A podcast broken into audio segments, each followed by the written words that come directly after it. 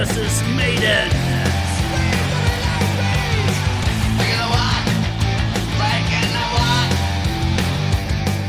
Har vi hørt på Heavy i dag, Bård? Åh. Jeg var redd du ikke skulle spørre fordi at eh, du har spurt det så ofte. Men eh, svaret er jo ja. Et rungende ja. Ja. Hva har du hørt på? Åh, jeg hørte litt på Turbolover jeg, eh, i dag.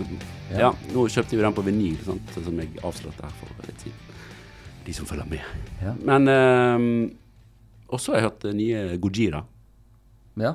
Den, var, eh, den er god. Den kan jeg eh, fint anbefale til, ja. til de som liker tung rock. Vi må nesten si uh, hei, kjære lyttere. Har du hørt, hørt på Heavy i dag? Ja, Det blir kanskje litt tomt svar. Men, det er litt tomt svar. Men kanskje men, eh. Men, Vi kan også si hei, kjære Toto. Ja, hei, hei. Hei, hei. Jeg tror at lytterne har hørt på mye heavy. Ja. Det må vi bare gå ut ifra, tenker Men, jeg. men jeg skulle også fortelle hva Å, ja, ja, ja, hørt på i ja, vær så god. Uh, for jeg har hørt på Fever med Judas Priest fra Scream for Vengeance. Oh, ja. Og uh, da tenkte jeg litt på det at uh, den har jo litt sånn uh, krympring og sånt i introen. Mm. Og da kom jeg til å tenke på at Thomas Dahl snakket jo om at ja, han trodde at uh, Glenn Tipton hadde hørt litt på, på Eddie Van Halen. Og jeg fikk litt sånn Van Halen-vibber faktisk av denne introen. Litt sånn som den der um, uh, Hva heter det? Nei, Women in Love som er på Van Halen 2. Mm. Den har litt sånn samme klangen på den der uh, introgreien der. Ja, som, nå- eh, ja. som, som den Fever, faktisk. Syns jeg. Jeg synes det, Dette er avansert. Jeg håpet jeg skulle hørt på Fever for det var litt varmt i dag. At det var det som var, var grunnen. Men så ble det avansert, Det ble avansert i for. eh, heavy-referanser uh, istedenfor. Men eh, jeg skal ta også lytte med det øret. Ja, for det, jeg tror jo det. det um, det, den her US Festival som, eh, som både US Priest og, og eh, Van Halen spilte på, der var det jo en historisk eh, eh, høy sum Van Halen fikk for å spille der. Ja vel? 1,5 million dollar for, for den ene jobben. Og da tenker jeg at eh, å prøve å, å, å sprinkle med litt Van Halen-magi var jo kanskje noe, kanskje noe økonomisk eh, Ja, Kanskje det sånn, kom en ja. økonomisk gevinst ut av det. Nå var jo den festivalen etter at uh, Screen for Vengeance kom ut. da. Ja, det er jo sant. Men eh, nå har jeg snakka nok. Ja, skal vi Allerede? Nei, vi skal dra. Tarjei inn litt senere i eh, sendingen. Men uh, vi må si hei til uh, Toto Mjelde, som har eh, tatt turen til oss i dag. Det er jo ikke veldig trivelig, det. Ja, det er kjempegøy å være her. Ja. Veldig kjekt. Ja, og Jeg er jo fan av uh, podkasten. Fastlytter. det er og, og veldig jeg, flott. vil, jeg vil bare komme med, med skryt først, sånn rent eh, radiofaglig. Det gjelder introlåten. Godt klippet. Godt klippet der.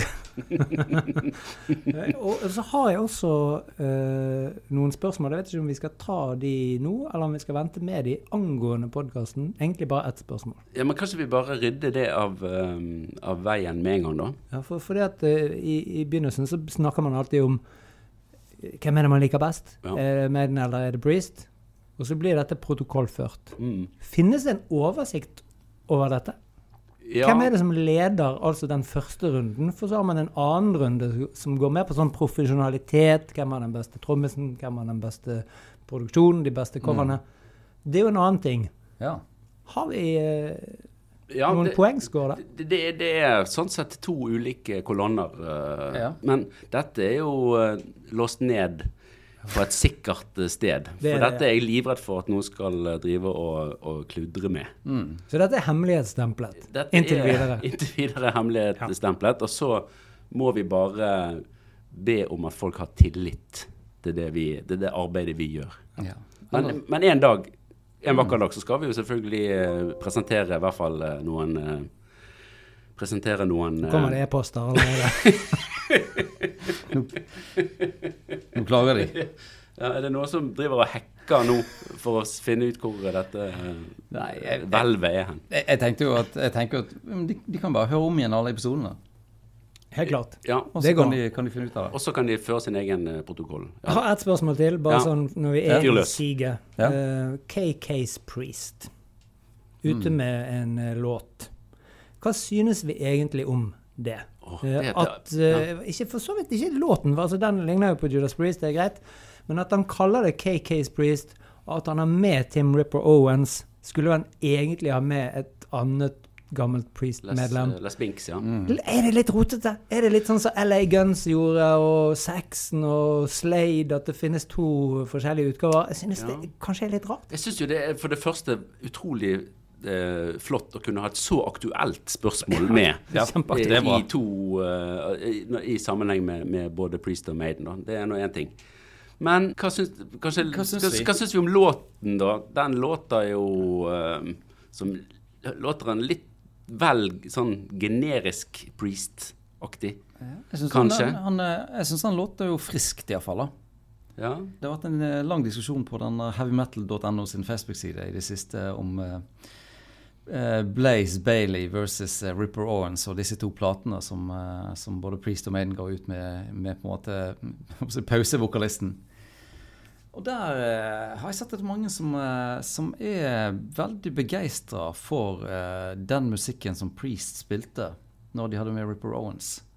Og de er jo litt, litt, eh, litt nærmt der. Så, så vet jo ikke jeg om folk syns at det er veldig bra, fordi eh, de skal være litt sånn Ja, nå, eh, Nei ja, nå, nå har Ripper og Blaze fått så masse kjeft at nå skal vi, nå skal vi heve det litt fram. Men Men jeg tenker som Altså, jeg har alltid tenkt at disse bandene som ikke klarer å, å spille sammen, men som må spille hver for seg, at det blir litt rotete. Ja, Jeg er helt enig. Jeg syns det blir veldig rotete. Jeg syns det er dumt av de å gå den veien også. Jeg skulle bare kalt det KK Downing, da. Eller funnet et annet navn. Og så kan de jo kjøre selvfølgelig Priest-aktig musikk. Det er jo bare fint. Jeg syns låten er god, jeg, men uh, navnet Jeg synes det har litt problemer med det. Men hadde, ja, hva med Judas Downing? Hadde det fungert bedre? Men, men, Men det er jo uh, kanskje litt sant. Ja. de, de har jo spilt konserter under KK Steel Mill. Ja. Og det syns Ah, jeg eh, fungerte jo egentlig bedre. Sant? For da har du på en måte eh, tilbake til, eh, til de her jerngrytene og, og tungindustrien liksom Mm. fra, fra, fra Birmingham og sånt. Så det, det, det, det syns jeg hadde vært egentlig et litt sånn finere, ja. finere Og, og navn, ryddigere. Og litt ryddigere. Ja. Men du, nå har Paul Turnert rundt. Kalte han seg bare for Paul Diano, eller var det Dianos Maiden? Eller Maiden Diano? Hadde han noen Maiden-referanse i Nei, jeg tror Ikke det jeg var ikke det bare Paul Diano, men i sånn Maiden-logobokstaver. Maiden-logobokstaver. Eh, nå kan vi gå videre. Ja, jeg, jeg, jeg tenker jo at eh, plutselig så kan vi se KK Downing på f.eks. Madam Felle eller et eller annet, en litt sånn mindre lokale her i Bergen. Så det, det gleder jeg meg til. Ja, Hvis det, hvis det skjer. Da stiller jeg Da- på kort varsel. Ja, da stiller vi på i første rekke, altså. Ja, ja. Jeg, jeg tror vi må eh, Jeg vil jo takke eh, Totto, fordi at eh, han eh, har jo snakket opp denne podkasten i det glimrende radioprogrammet sitt Gitar. Ja, jeg har jo det. Så Men det er jo det- fordi jeg syns det er kjempegøy å høre på, Ja, på dere. det, det syns jeg. Men det syns jeg er stas at vi fikk litt, Ja, litt, det- det var- litt omtale, da. Det var veldig bra. Skal vi, skal vi, telle, skal vi fortelle litt om Totto? Um, ja, Fortell meg om eh, Fortell litt. eh, Vi pleier å jo presentere ja, og skjenke gjesten en, en kort presentasjon. Det gjør vi jo. Og det syns jeg vi skal gjøre med, med Totto eh, også. Og det er jo Mm. sånn For det første så er jo det nå for første gang en ekte radiomann vi har her. Ja. Og dette er jo en slags moderne radioting uten redaktører og teknisk kompetanse. Eh, men men eh, så, ikke, så det er sånn semiradio kan vi kalle det, da. Men nå har vi endelig en som, som eh, vet hva han driver med.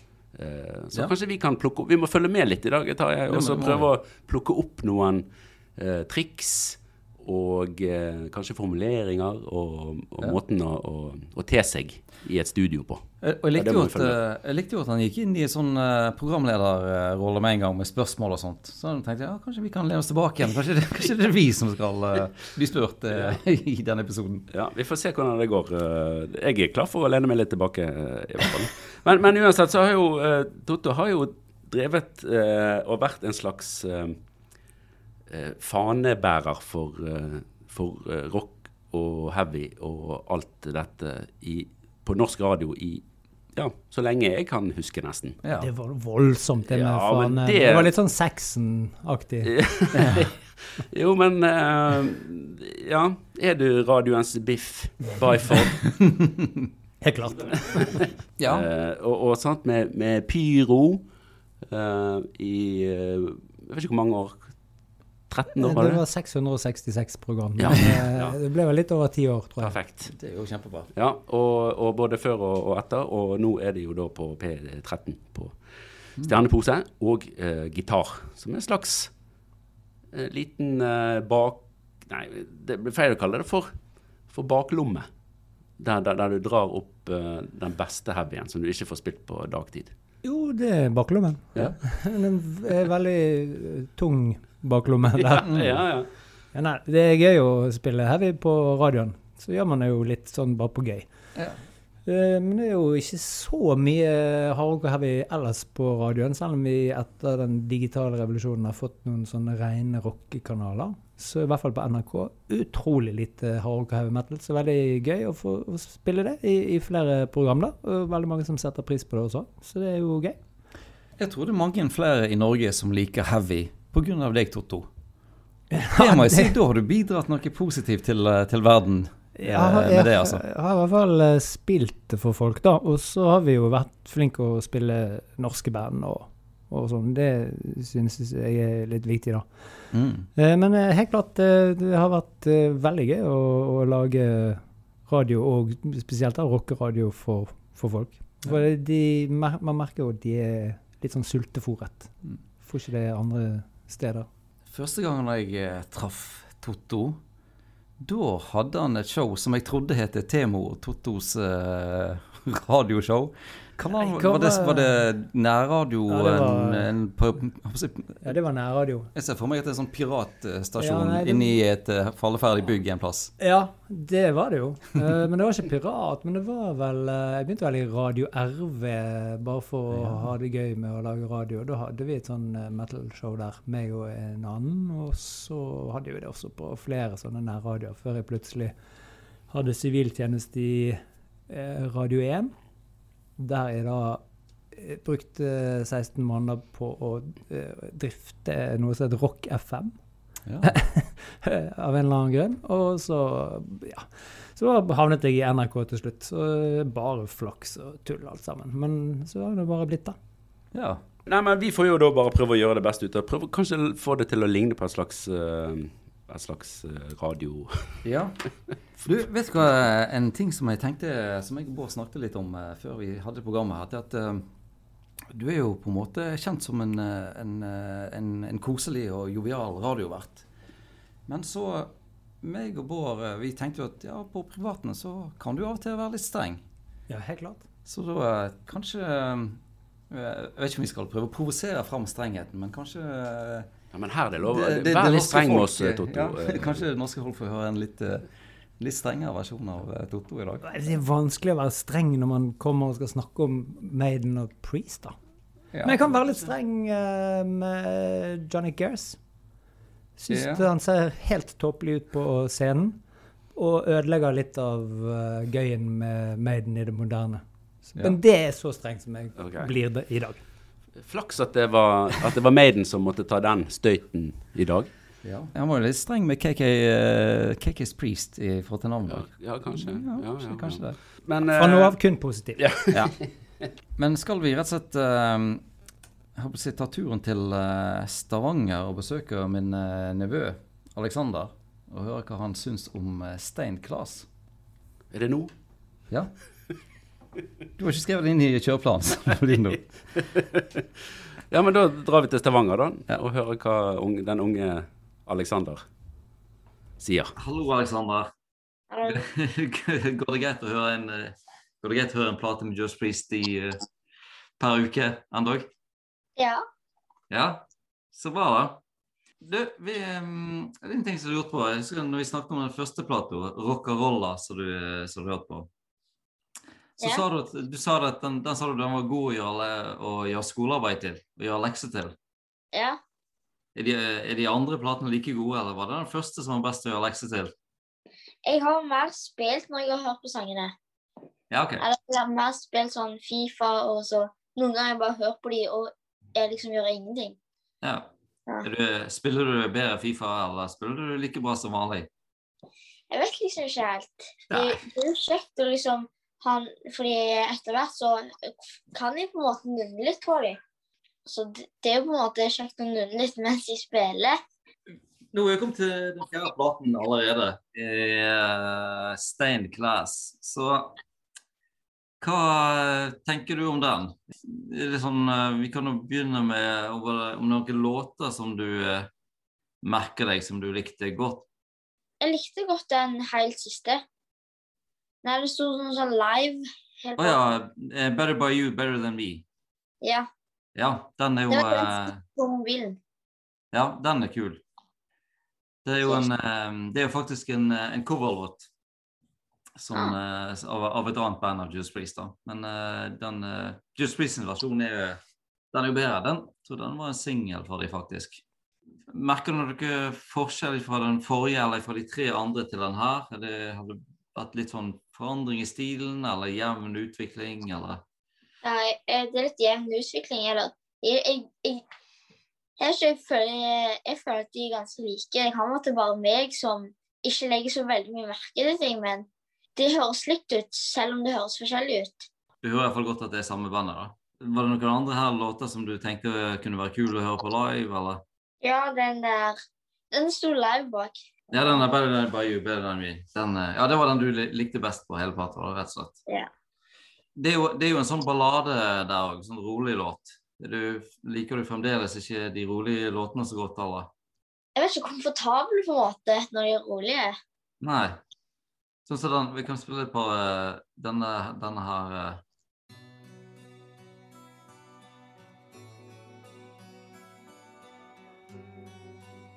Det er jo sånn typisk rolig, rolig låt som blir bråkete etter hvert. Ja.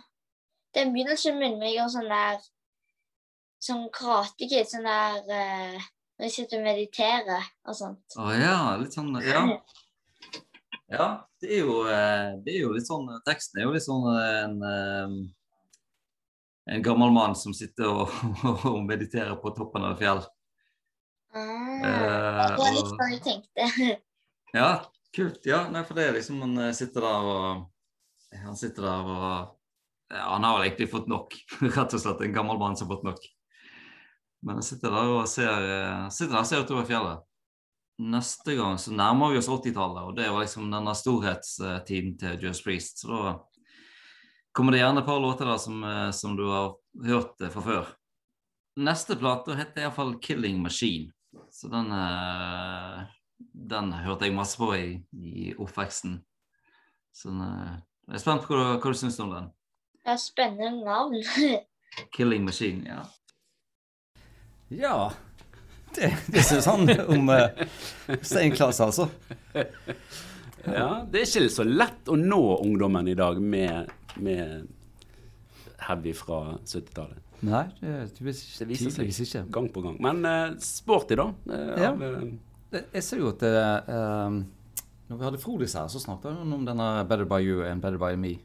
Og den er jo mange som, som liker med Priest. Ja. Enkel og fin låt. Ja, Ja, Kjempelåt. mm. Men jeg liker jo eh, godt at han uh, liker å nynne mens Ja. han spiller, da. Ja, det syns jeg var kult. Jeg, jeg har jo det samme hjemme. eh, En sønn som spiller, og har begynt å høre en del på heavy. Ja. Jeg vet ikke om han nynner så mye, men jeg håper at Ja. det skjer. Og Det, det er veldig gøy å høre på de tingene der, altså. Ja, det er artig. det. Men så at eh, sangene er forskjellige, men likevel eh, like. ja. At det liksom eh, han har, at, han- at, han, han har funnet en, en plass der på en måte Judas Priest har definert seg inni. ja. Det får vi håpe er noe han sitter hjemme til slutt, og at han kan kjenne igjen Mm. bandet fra de ulike periodene, kanskje. da. Men, men det var, bortsett fra da coverlåten, som også var en liveversjon på den, den som han hadde hørt, Ja. så var ikke det så mye han hadde bitt seg merke i. Nei. Eh, nynnet med på noe, men ikke noe han trekker frem, da. Så, så vi får Kan vi si at Stein Claes er en forglemmelig plate? Er det det du prøver å si her? At han ikke har de store hitene, kan det jo nesten tyde på eh, Ja. da. Men, men jeg hørte jo, eh, når jeg snakket om eh, han gamle mannen som satt på fjellet, så er det jo egentlig Det er ingenting om gamle menn og fjell i den teksten der, egentlig, faktisk. Og det der, eh, jeg tenkte på, Hvorfor sa jeg egentlig det? Da, da tenkte jeg på at det der eh, diskuterte vi en gang i eh, på, Jeg tror det var sikkert på 80-tallet. Eh, sånn, når du vokser opp på Knarvik, så har du kanskje hjemme alene-fest, og da overnatter alle på festen, for du kommer deg ikke hjem igjen. Og så dagen etterpå, når alle står opp og er litt sånn bakfulle, så snakker du om mye rart. Og da tror jeg vi diskuterte den her, og da var det en som sa ja, det, det, vi snakket om sånne indianer, gamle indianere. De går jo ofte på eh, Jeg vet ikke om det er riktig, da, men myten er at de går på når de syns at nå har jeg levd nok, så går de bare og sitter på et fjell, og så eh, sitter de der til de dør. Mm. Og i noen indianerkulturer så kaster de visst utenfor fjellet. Okay. Men uh, vi, vi, fikk sånne assosiasjoner til uh, en gammel mann sånn Nei, nå er det nok. Nå går jeg bare og sitter meg på, på fjellet her, og her skal jeg bare sitte til, til ramle sammen.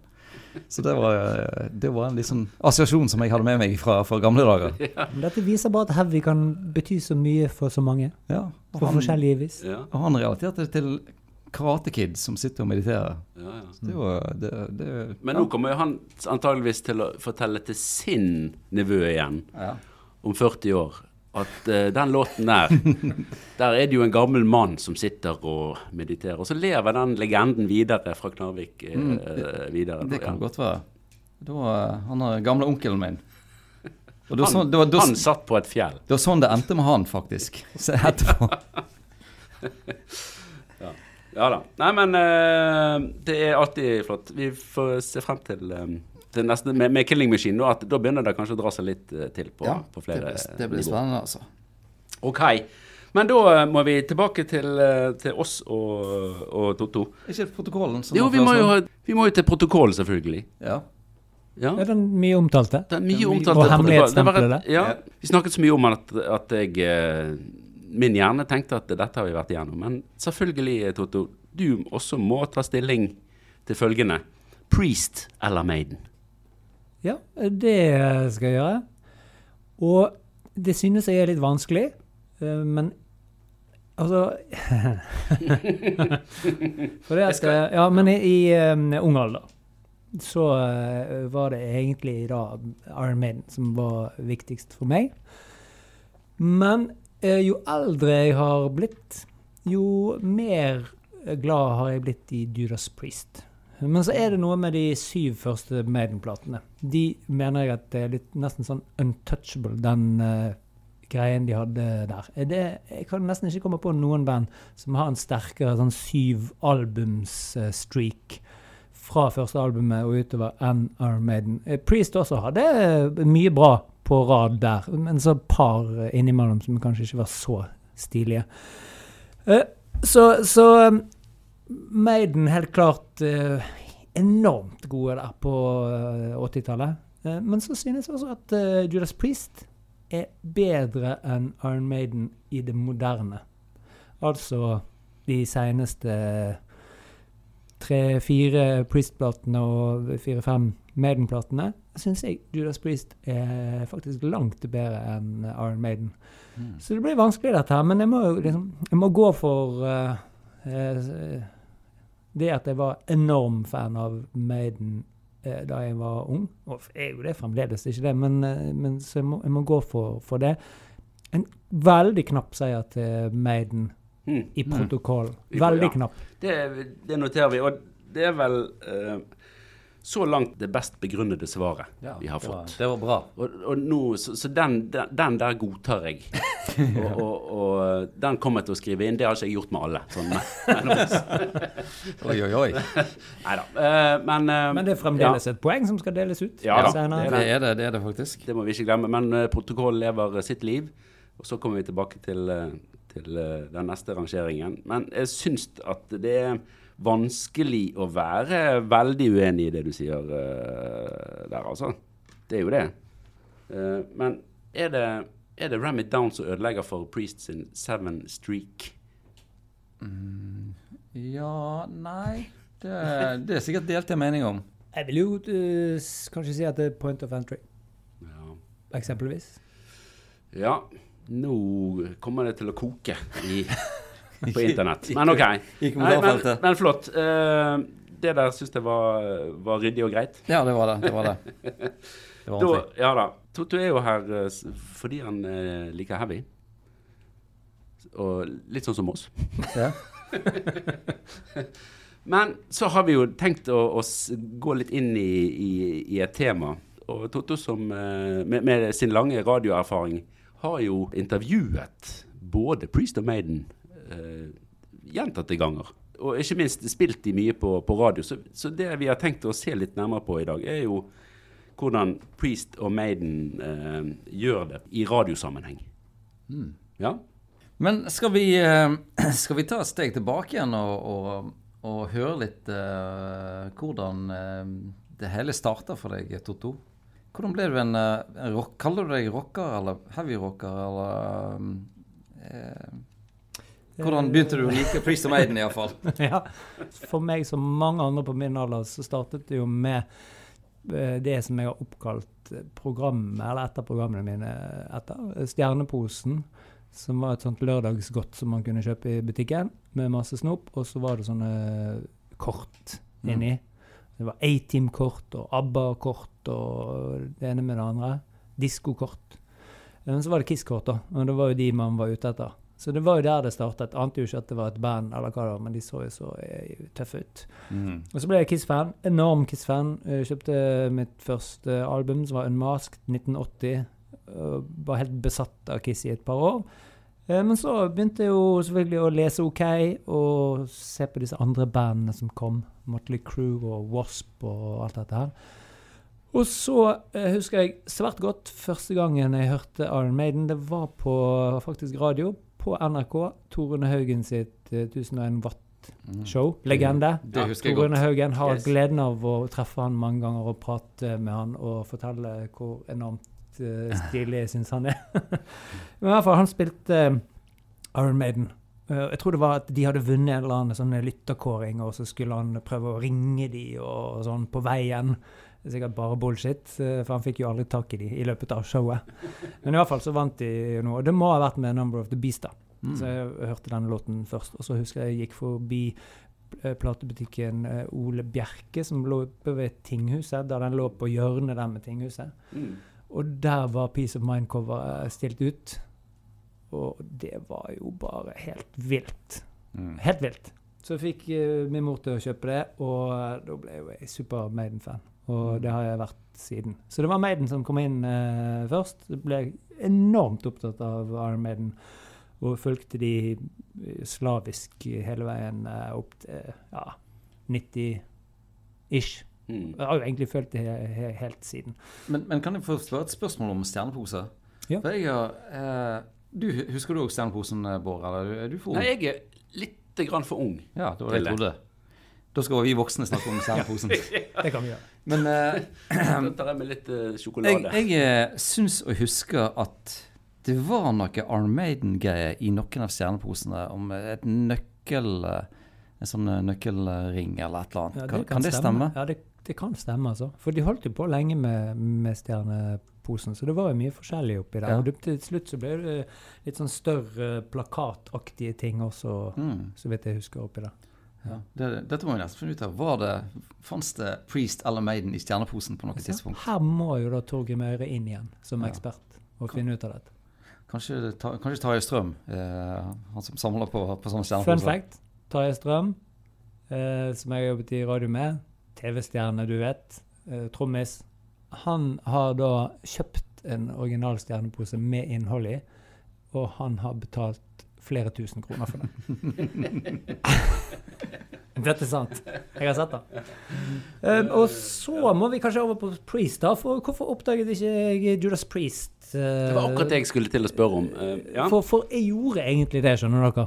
Uh, men så ble jeg liksom ikke Jeg glemte de litt ut. Og her må vi prate om en ting som er veldig rart at ikke vi har vært inne på, eller dere har vært inne på i denne podkasten tidligere.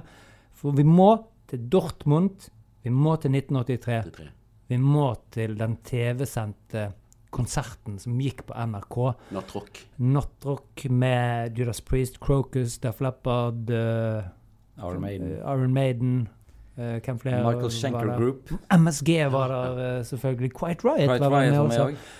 Og det var jo helt vilt altså, å se på det der. Husker jeg tok det opp på Beta. Mm. Betamax og hadde det. Og jeg husker også når jeg så den konserten, da fikk jeg servert av min mor uh, speilegg på smørstekt skiver. Og jeg husker det fremdeles så godt. Og så så jeg liksom Her Maiden kom, Judas Priest Det var helt vilt. 1984 tror jeg den må ha blitt sendt. Eller 83. Jeg tror det var, det var 83. Ja. Og, og det, det, tror jeg mange på min alder var noe av det viktigste som skjedde innen heavy. Og som gjorde at mange ble mer opptatt av heavy metal her i Norge. Mm, og det der, vi, når vi drev og forberedte oss til dette programmet, så uh, lagde jeg en svær tidslinje med, med min oppvekst. Og da sto det 83, nattrocken 83. Og den her uh, Jeg vokste opp med uh, Eller heavy-oppveksten min hadde jo bl.a. med, med Tony Vetås fra Sag. Uh, og vi uh, Foreldrene hans var ofte vekkreist i helgene, så vi satt der nede hos han og vi så denne om og om igjen. Og vi så på Marius Muller og Petter Nome som kommenterte mellom låtene. Og så så vi uh, den her Priest live VHS-en fra Dallas i 83. Og så så vi Animalize-videoen og Let It Be Rock. Men den, der, den, gikk, den gikk mye, den der Nattrocken 83. Altså. Ja, og det var jo også omtrent akkurat da alle de bandene var på sitt beste. Ja. Det var jo helt uh, vilt. altså. Den finnes jo på YouTube, så det er bare ja. å, hvis man er for ung, ikke fikk det der med seg Jeg ser dere ser på meg. Ja. Eh, jeg var vel så, ja, akkurat litt for ung. fordi at eh, alle som jeg kjenner som er da et par år eldre, de har hatt det der som er litt sånn definerende øyeblikk, og som stadig måtte dukke opp som en sånn referansepunkt, nærmest. Mm. Så, så, der har jo norsk rikskringkasting virkelig gjort en god jobb, da. Der gjorde du jobben sin, altså. Vi tar den, altså. Ja, ja det syns jeg. Men det er veldig rart, for at da ble jeg veldig opptatt av Iron Maiden, ble opptatt av uh, Quiet Riot, og Scorpions var vel der, og The Flapper og alt dette her. Men Judas Priest, selv om jeg synes det var tøft, så ble det liksom aldri noe med Judas Priest før langt seinere. Og da er vi faktisk oppe på turbo-tiden, altså. Når de gikk litt sånn mykere. Da husker jeg det var en kompis som hadde Priest Live, mm. som kom etter der. Den kom etterpå. Og den hørte vi enormt mye på. Da ble jeg Priest-fan, og har jo vært det siden og kjøpt alt som de har gitt ut. Så litt treig på Priest. Selvkritikk på det. Jeg føler også at kanskje Judas Priest ikke var så mye i OK heller, som jo er også en viktig greie på 80-tallet for de som vokste opp og ja. likte heavy. Det å kjøpe OK hver 14. dag. Du visste at det var noe Kiss der, noe Wasp, Motley Crew, men litt lite Priest der, kanskje? Ja, mye Maiden også. Jeg, jeg, husker nå at det var mye Priest der òg, men, ja, men, det var de var, men de var nok De var nok Jeg vet ikke. Eddie solgte nok litt mer blad enn en, en Rob Halford. Ja, og så var det vel aldri noen store skandaler. Men det var det gjerne ikke med, med Maiden heller, altså. Nei, det var ikke men, uh, ikke sånn uh, Hvis du sammenligner med, med Motley og så videre. Ja. Det kanskje, men det var kanskje litt at uh, Maiden var litt sånn nytt, nytt band. At det, var, at det, var, derfor at de fikk litt mer uh, omtale på, på 80-tallet. Ja, ja, mens uh, Priest var jo allerede da kanskje litt sånn veteraner. Så det kan jo være ja, en, god forklaring. Det var godt etablert. Mm. Det, kan, det blir sånn gammelmanns-heavy. Allerede i 83. Det var tidlig. ja, det var tidlig, det.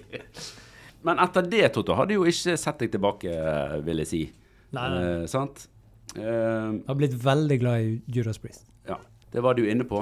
Og det er jo vanskelig å argumentere mot at Priest er litt friskere i nyere tid enn det sammenlignet med, med Iron Maiden. Ja, Iron Maiden altså, de gjør det så vanskelig hele tiden. Mens Priest eh, de liksom bare burner på. Freewheel burner på hele veien. Mm. uh, jeg syns uh, Priest, altså Og Firepower, den uh, seneste, jo, det er jo terningkast seks. Ja. Syns det er en enormt bra plate. Mens Maiden ja, Litt sånn lange låter og traurig, men bra likevel. Ja da. Skal vi gå litt på, på topp tre-listene dine først, og far, for å få litt innblikk i, i, i mer konkrete det kan vi godt gjøre. Og, og Priest. Jeg skal gjøre det ganske kjapt, jeg. Ja. Jeg skal begynne med Judas Priest. Siden uh, det er mange her som er glad i Judas Priest.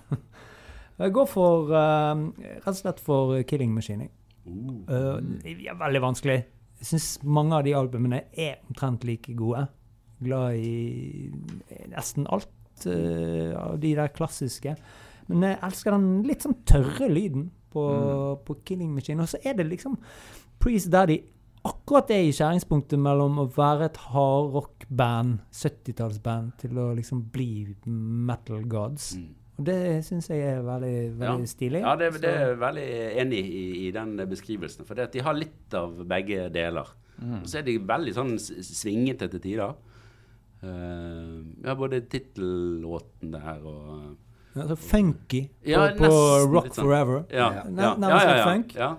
Det er sant? Og så Hellbent for Leather og allsang på uh, Take On The World og ja, Evil Fantasies der. ja. Ja, det var en av de låtene som uh, ble litt annerledes etter Rob Halford kom ut fra Ja, ja. Jeg hørte på den på en litt annen måte, da. Eneste er jo den balladen hva den heter Before The Dawn. Den, Mm. det, det er liksom den som trekker ned, synes jeg. Men oh, nei, den den syns jeg er flott. Ah, det ble, litt for mye der, for meg. Men i hvert fall, Ja. uh, over på beste Maiden-album. Det er ingen tvil om at det er Peace of Mind. Første albumet som jeg kjøpte. Ikke én dårlig låt på det albumet. Kun classics. Eh, Det er, eh, den er liksom så mye bedre enn alle de andre albumene. Og her må jeg eh, rette en streng pekefinger. Jeg sa at jeg ikke skulle være streng mer, men jeg skal ikke være, være det. For Det er dere to presterte jo å ha 'Summer in Time' på førsteplass. Den, den er langt nede, altså. Jeg tror jeg plasserer den som nummer fem. Jeg. Oi, herre. Eller Nummer kanskje fem. seks. Nei, nei, nei. nei. Jo, jo, jo. Ja, men, eh, men så ja, eh, men- uenig kan man være. Men det, det er sikkert for du er mer glad i dinosaurer. Mens det vi er mer glad i uh, Space Odyssey. Ja, litt enig i at, at Maiden, uh, for å bruke litt eh, slitt begrep, piker nesten litt på, på Peace of Mind. Altså Der er de jo virkelig funnet ut av hva de skal, hva de skal drive med, tenker jeg. Og, og låtene der er Ja, de lager vel ikke så mange gode låter på en plate etter det. Det tror Nei, jeg kan ikke enig. Men, men for meg så er det når det gjelder 'Somewhere in Time', så er det mer den stemningen på den platen som jeg ikke finner igjen på noen andre. Syntene? jeg- Du elsker syntene. Ja, det, kanskje er det det. Kanskje det. Er det syntene? Det er ikke Ja. feil, det Nei, nei, det jo, det er feil, men, men det er ikke så feil. Men jeg syns det Det det var langt nede på listen. Fem-seks. Det syns jeg var langt nede. Ja, nei Men OK. Ja, Det er greit. det er greit. Ja, er det greit? Ja, nei, selvfølgelig er ikke det greit, men vi later som det er greit. Ja da, det, det, det går fint. Kjapt uh, topp tre låter, da. Ja. Maiden eller Priest først? Fortsett med, med Maiden, så sparer vi Priest til til Ja, vi sparer Priest til slutt. Uh, OK, jeg begynner med tredjeplassen, da. Syns det er vanskelig. Og dere kan velge hvilken jeg skal ta på tredjeplass. To valg. Er det 'Children of the Damned', eller er det 'Outsideren' med trommeintroen 'The Prisoner'? Oi. Hmm. Jeg eh, stemmer for 'Children of the Damned', faktisk. Ja, den liker jeg veldig godt. Den kan jeg synge med på. Men du liker også en god trommeintro? Jo, jo da, det gjør jeg. Nei, 'Children of the Damned' også okay. for meg. Da blir det det. Jeg, jeg syns Jeg liker veldig godt refrenget på, på, på 'The Prisoner'. Den, eh, det syns jeg er veldig flott. Ja. Men resten av låten eh, er, er bedre på 'Children of the Dead. Liker ikke. Jo, jo da, jo da det, men, men ja, Ok, nei, okay. men, men det ok, greit. Det er greit. Det blir Men artig at det var de to låtene jeg skulle velge mellom. Nå skal, jeg- nå skal jeg notere det her, sånn at vi, Ja. sånn at vi, sånn at vi skal... ja. Andreplassen ja. Vi går litt sånn for Ikke en radiohit, men en uh, låt som de spiller altfor sjelden, og som uh, kan egne seg på radio, da, så vi skal prate om det senere her. 'Flight of Icarus'. Oh. Det, den, den har jo Det er jo ja, Om ikke en poplåt, så er det i hvert fall veldig nynnbar. Det er farlig nært poppen, men man skal ikke være redd for en god melodi. Nei, Nei, nei, nei. det er korrekt. Nei, Den hadde jeg òg på min eh, topp tre-liste. Jeg eh, elsker den sangen der. Den er veldig flott. Og vi har jo vært så vidt inne på at eh, de har jo eh, eh, Antageligvis Steve Harris har nekta å spille den i 25 år. Men så kom han, Han, på settlisten igjen. han, eh, Steve. Harris, altså. Han må skjerpe seg med det der. Og han skjerpet jo seg med det, men det, så har vi jo Alexander the Great. F- Fadesen også. Eh, Men, men. Vi har alltid Kanskje neste gang. Ja. Eh, Der kunne jeg sagt masse om Alexander the Great, altså. Men, eh, Men nå er det da din nevø. ja, Nå har han blitt Alexander the Great. nå er han blitt det. Ja. Så uh, ja. Ja. Førsteplassen går for hit der eh, også. Det var vel det var den første låten som jeg elsket med Iron Maiden, og så musikkvideoen og bare ja, skjønte at dette er det aller beste i hele verden. The Trooper! Uh. Det finnes jo ingen andre låter som er sånn som The Trooper. Uh, jeg har tenkt litt på, på den, faktisk, for den har jo egentlig ikke noe refreng. Den har en slags gitar, eh, sånn signaturmelodi, som er refrenget. Men det har jo Eh, Ååå Ja, men, er, men er, Det- det er det det som er refrenget, da? Men da Ja, uten det? tekst, i hvert fall. da. Eh, Det, så- det syns jeg er så bra. jeg synes det, det er en Det er lov.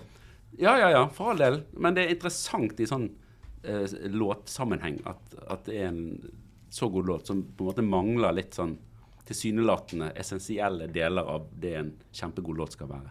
Ja, men gitarspillingen der Det er Jo, jo. Attakke, heter ikke det? Attakke. det er et voldsomt attakk der. Ja, og det er, det er gitarharmonier. Det, det er jo Det er jo en komplett låt. Men jeg syns det er litt artig at, at de har en låt som Ja.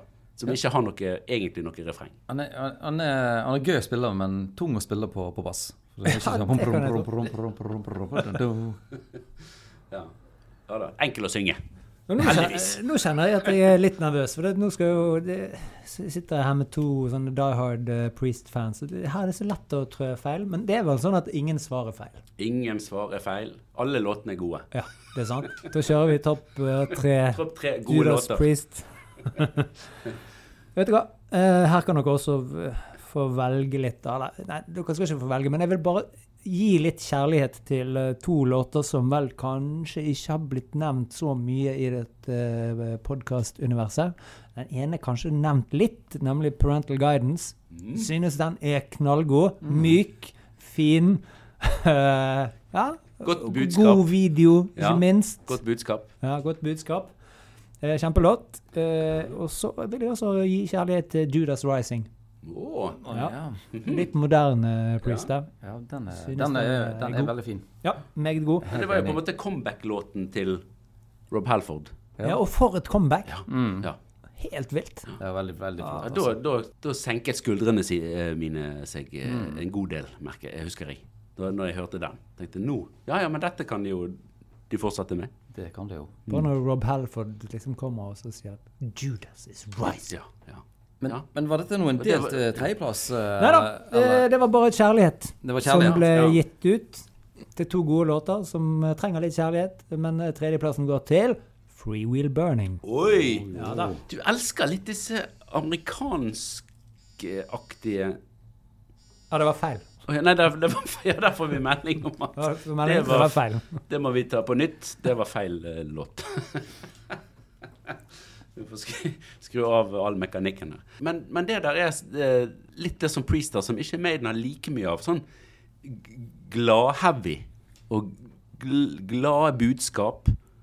Positiv eh, riffing. Ja, og vi skal jo holde oss litt til det. Og dette skal vi jo prate om senere også. Det der er jo litt sånn radioaktig låt. Ikke så spiss i kantene. God, enkel, heavy. Og det er ikke noe galt i det. Nei, tvert imot. Det liker jeg godt. Ja, ja. Derfor får uh, You've Got Another Thing, thing Coming andreplassen. Åh. Ja. Der er Judas Priest Ja, gode. ja, der er de Ja. Enkelt og, og, Det er sånn og greit. pekelåt. Ja, ja da. Hvem elsker ikke en pekelåt? Nei, det Ja. Det, jeg gjør det. Jeg elsker å bli pekt på og bli fortalt hva jeg skal gjøre. når jeg... You've Got du tenker om Og, og, og spesielt eh, liker jeg å bli pekt på Rob Halford. Ja, det er jo selvfølgelig noe helt eget eh, da. Da er det alvor. Førsteplassen Ja. Hellbent for leather. Hellbent for leather. Jeg ser en slags eh, Ja, det er jo en Det er jo en uh, Enkel igjen. Ja, Enkel, enkel. grei. og, men, men det er jo en Det er jo classic priest. Men er det for eh, Er det for enkelt dette? Er det for uh, hitbasert? Ja. Eller er det, er det for Ja, det, er- det er i hvert fall radiovennlig. Ja. Nettopp. Så, så, så Så her er du eh, Du er nok kanskje preget litt av eh, Jeg vil jo på ingen måte si yrkesskadet, men du er nok kanskje litt preget. Jeg liker en god melodi, vet du. Ja. Det er det. Jeg, jeg helt, Dette syns jeg er helt flott. Jeg, jeg syns ikke, ikke det er for, for, for, for. Nei, nei, nei. nei, nei, nei. Nei, jeg òg syns det er, flott. Hva, hva ja. Nei, det har jeg har ingen problemer med. Jeg syns det var en flott uh, topp tre-liste, jeg. Men jeg syns jeg ser en slags uh, uh, Tråd. tråd der. Mm. Dette, var, dette var bra, Toto. En lærtråd. Ja, ja. En Lærtråd. Eller, eller sånn vaier, kanskje. Kanskje en vaier. Kanskje en vaier.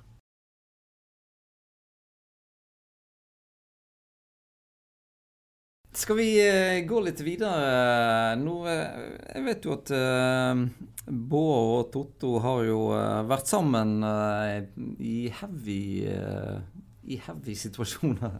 Ikke heavy situasjoner, men i, Det òg. kanskje det òg. Men heavy situasjoner før. Det, og dette vil jeg høre litt mer om, eh, Totto.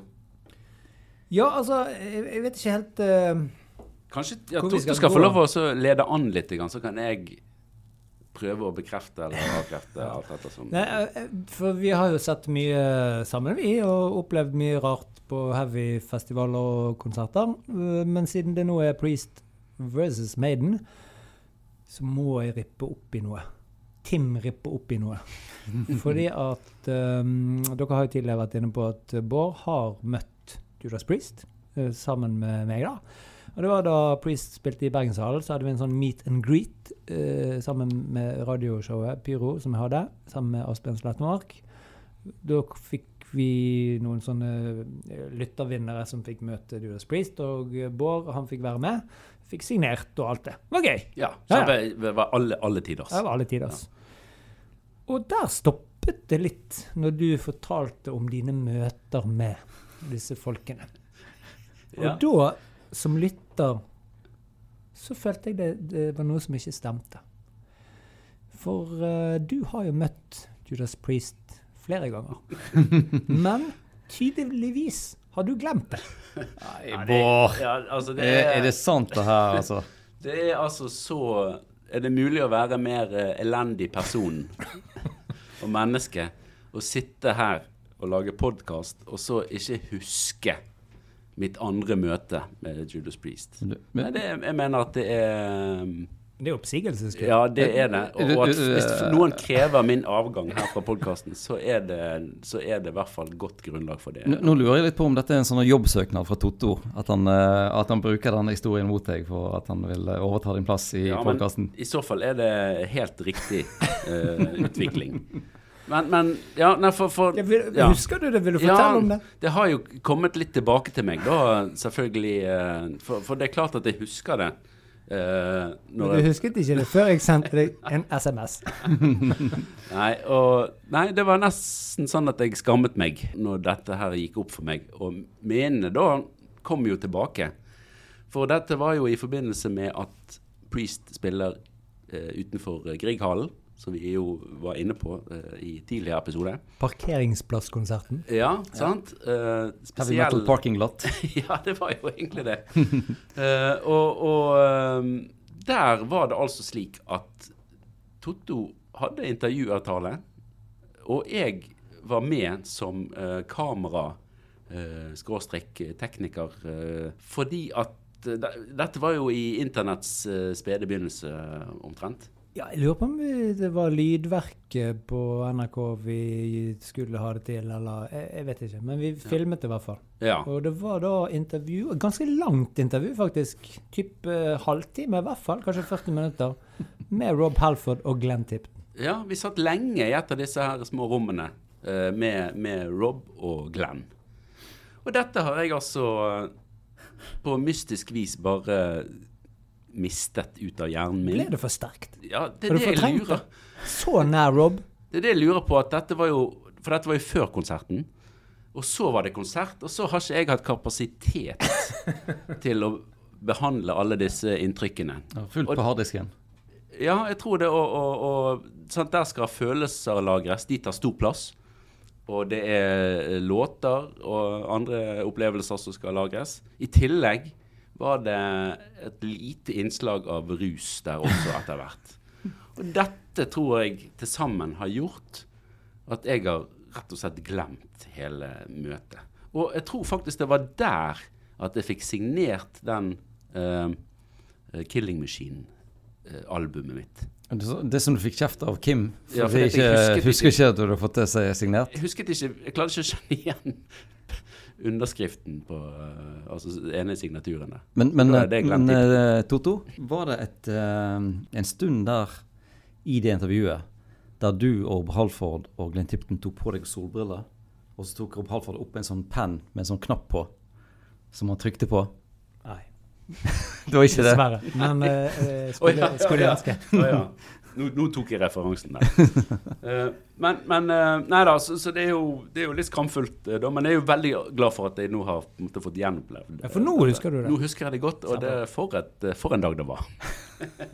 Har jo eh, også faktisk da møtt Iron Maiden en gang. det- er en litt artig historie, for det at var på sånn fylletur i London med masse folk. Så fotball, så konserter, drakk Tusendal.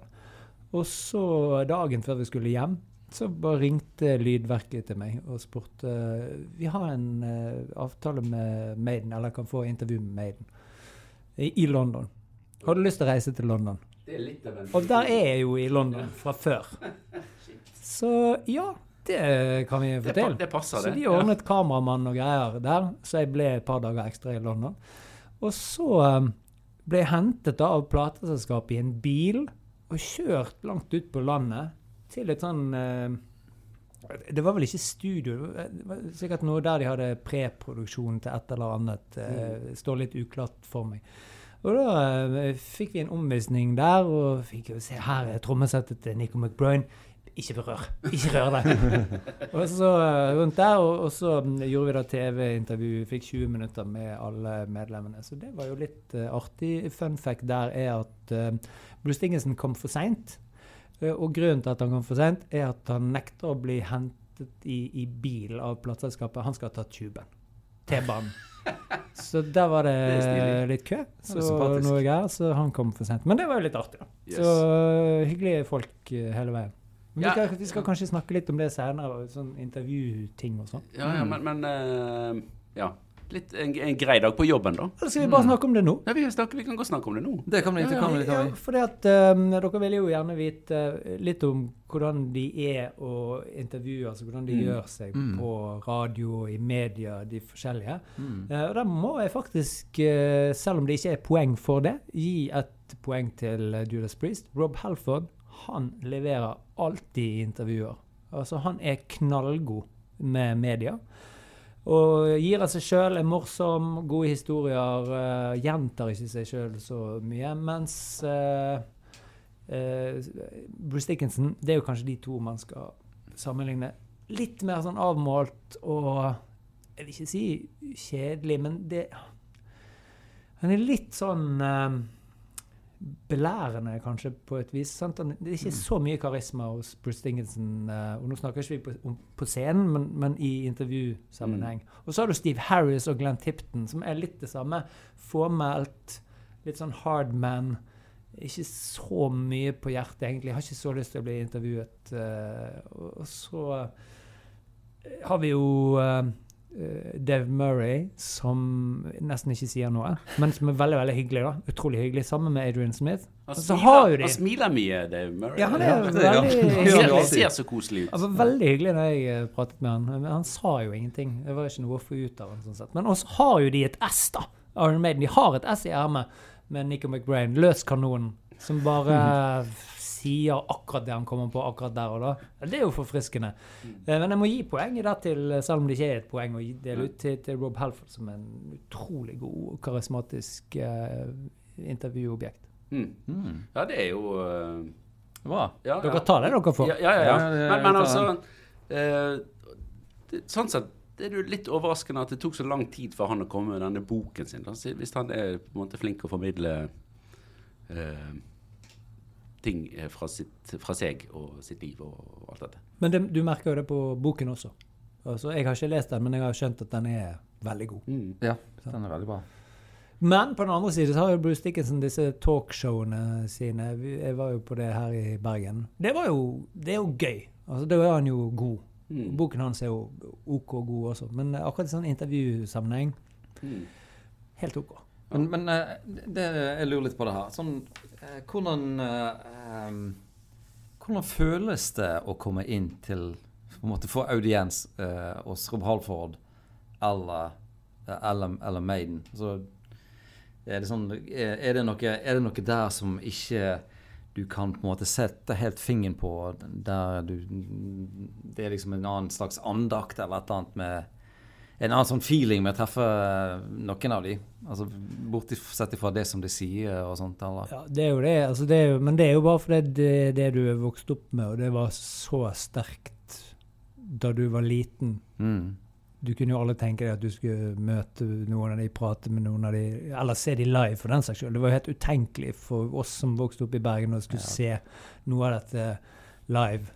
Så ble vi jo litt eldre, så fikk jeg jo endelig sett Maiden i var det 90 i Drammenshallen. Mm. Uh, og det var enormt svært. Sant? Men, uh, så det er, det er jo bare det, men du må jo forholde deg litt sånn profesjonelt til det, for du har jo kamera med, og du, det skal jo brukes til noe. Så det kan ikke bare være Ja, sånn bortsett fra når jeg eh, står Ja, bak ja. det er sant.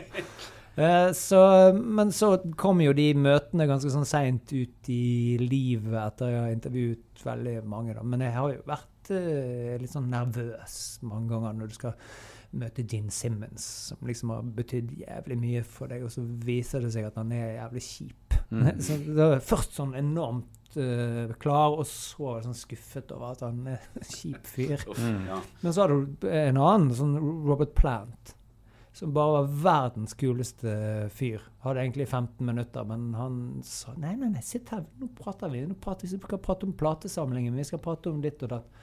Så det er, sånn, det er veldig forskjellig, men um, de fleste av det er jo hyggelige og vet hvorfor de er der og leverer det de skal. Men er ikke det litt sånn Hvis du er litt uheldig, så er det jo litt sånn samlebånd. Sånn at du kommer inn som nummer ti den dagen som har spurt på en måte de samme spørsmålene. Ja. Gjelder det ikke da også prøve å Eller hjelper det å finne noen litt sånn andre innganger eller andre spørsmål? Ja, definitivt. Og det merker vi jo også nå, altså når vi har vanlig radioprogram i Stjernepose, at altså vi har gjester som er intervjuet mange ganger før, men jeg føler at vi får en annen stemning med de enn andre gjør, fordi vi spør andre ting. For vi er genuint opptatt av musikken de spiller, hvorfor de lager det, og prøver å ha liksom en god stemning og humor på det. Mens eh, sant, de er jo vant til at det ikke handler om det når de blir intervjuet. Så hjelper det selvfølgelig å, å vite hva du snakker om. Altså, du blir fort avslørt hvis ikke du vet hva, du, hva det dreier seg om, og da blir de lei. sant? Bruce Dickinson gidder jo ikke å prate med folk som ikke har peiling på hva han driver med. Da går han sur med en gang. Og det skjønner jeg godt. Ja, sånn er det jo. Nei da, det er jo ikke den biten av uh, businessen som de nødvendigvis liker å være så veldig involvert i. Altså det er jo eh, sånn, Nå når det er så mye sosiale medier og blabbermouth og alt mulig gnål, så er det jo litt viktig at de er påskrudd. At Ja. ikke de gir et dårlig inntrykk, selv om det bare er et eller annet radiointervju med en eller annen og, som ikke er så viktig, liksom. Men sånn, du må liksom levere når du først er på. Og det syns jeg eh, de fleste band og artister har blitt gode på. altså. Mm. Jeg tror det var mye verre før, Ja. eh, når de ikke kunne havne hvor som helst. Ja, men sånn som Steve Harris, da, som har uh, så mye ansvar i band og låtskriver, tekstskriver, skulle jo tro at han hadde litt på hjertet. Men det virker det jo ikke som. Han, altså, det har han aldri hatt, virker det som. Nei, men det er jo fordi at han ikke syns det er så gøy. Sant? Han liker jo bare å lage tingene. Og så vil han sikkert helst at Bruce Dickinson skal svare på spørsmålet om låtene som han har skrevet. Eh, og det, men det det er jo ikke alle som egner seg til å være talsmann for bandet heller, selv om det er de som lager musikken. Så det, jeg skjønner jo godt det. Men en sånn liten uh, brannfakkel her. Uh, har nå egentlig Steve Harris så mye på hjertet gjennom tekstene sine, i, egentlig? Nei, det er jo et godt poeng, men altså Du har han- kanskje det- ikke så mye på hjertet på andre ting heller. Nei, men, men de er jo på en måte inspirert veldig mye av eh, filmer og bøker og sånn. Mm. Så han kunne jo selvfølgelig pratet om det, da. Hvis han Ja, det kan han jo. Det, det. det er sant. Jeg leste en bok i går, folkens. ja da. Nei uh, Så nå vet vi hva det neste Madden-albumet skal handle om. ja. Er vi, eh, har vi begynt på fagdiskusjonen, eller er vi Ja, ja, på vei inn igjen, er på vei inn igjen nå? Vi, har, vi toucher litt på dette her nå. jeg, jeg syns vi nå har hatt en, en sånn fin uh, inngang til det. jeg. Ja, dette, Vi har sklidd inn, rolig inn i, inn i fagdiskusjonen. Jeg syns det er veldig kjekt å høre om folk som har vært eh, tett på. Både Priest og Maiden. Ja. Det er spennende. Jeg spurte jo deg, Totto, om du hadde noen sånne tall. Sånn, hvor mye Priest spilt, eller Maiden, i, i Norge eh, gjennom tidene? Men det var litt vanskelig. Ja, altså det ble jo sånn Tono, som er på en måte de som samler inn de dataene for at uh, altså hver gang en artist spilles på norsk radio, så skal jo låtskriver og komponist ha penger. Mm. Så det er jo noen som samler inn disse dataene, men uh, hvor langt tilbake de går og sånn, det vet jeg ikke. Så det er litt- vanskelig å si hvem som har spilt mest på radio.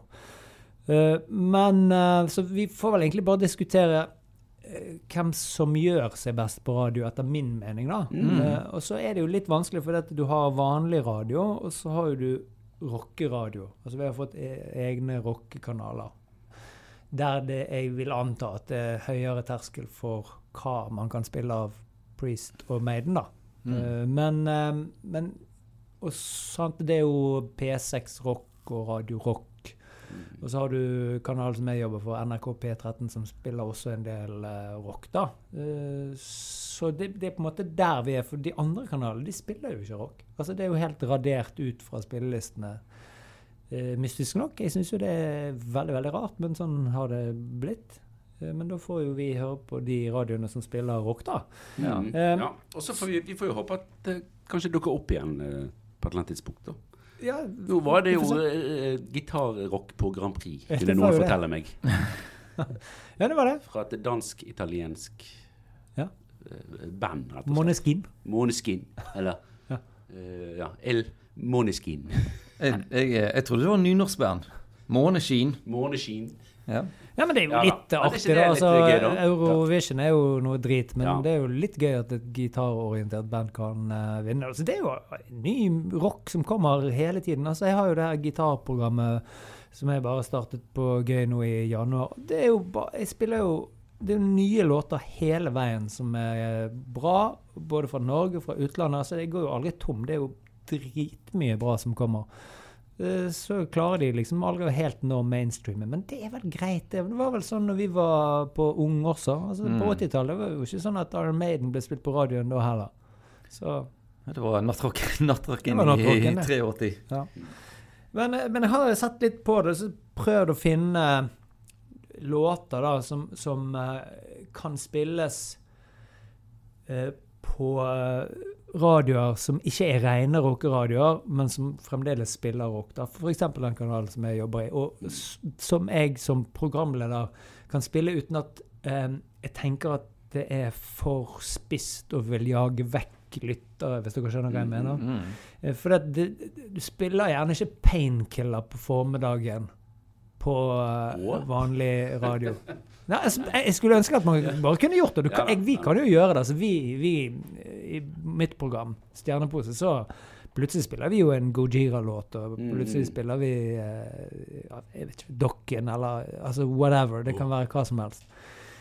Men, jeg, men da tenker jeg liksom det må ikke bli for mye av det på rad, for at, Mm. uh, vi skal jo spille all type musikk. Altså indie, uh, rap, Mm. og, og vi spiller uh, popmusikk og vanlig rock. sant? Men iallfall låter som ikke er så stress å spille, og likevel Mm. kjent, det har jeg på, på Maiden. Jeg har Running Free, Can I Play With Madness, The Trooper, Run to the Hills, Number of the Beast, Flight of Icarus og Aces High. Ja, det De er fin. låtene ja. eh, er liksom streit å spille, og spilles i hvert fall en del av de Mm. på vår kanal og Ja. på disse rockeradioene. Ja. For, Men Wasted Years, er den, uh, Den er, er for, den er liksom ikke kjent nok, tenker jeg. Og også 'Stranger in a Strange Land' er heller Ja. ikke stress å spille. Men det er heller ikke en, en radiohit, om du skjønner. Uh, så har jeg eh, da på Judas Priest 'Living After Midnight', 'Breaking the Law', selvfølgelig. Men også 'United', 'Heading Out to the Highway', 'Turbo Lover', 'You Got Another Thing Coming', 'Some Heads Are Gonna Roll' og uh, 'Hellbent for Leather'. Oh. Ja. Så det er en god del uh, låter på Priest eh, der også. ja. Er det noen man savner? Hmm. Ja, ja. Alle? Alle, alle de andre eh, låtene. Um, hvis jeg begynner litt sånn i vår tid Hvis jeg tar Priest først, da. ja. Så har jo de hatt Det er jo flere på Firepower som har nesten litt sånn radiorefrenger. Radiovennlige refrenger, mener jeg. ja. Uh, men uh, Problemet er kanskje at det, det er Firepower er jo metal priest igjen. ja. Mm. Mens mange av disse låtene er jo fra da de gikk fra å være rock til å bli metal. Ja. ja. Og så litt utover 80-tallet med polert produksjon. Men Priest nå, og jeg liker jo det kjempegodt, er jo et heavy metal-band. Ganske hardt heavy metal-band. Etter at Andy Sneap tok over der. Mm. Det, jeg, ten- Ja. eh, det som jeg, tenker, jeg tenker jo litt på den Touch of Evil som jeg har vært inne på før.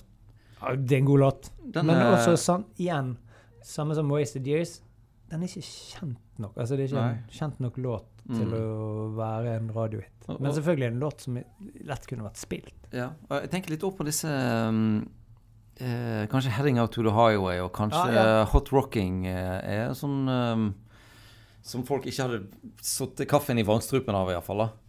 Helt klart. Eh, tenker jeg. Nei, i så fall hadde det vært av begeistring.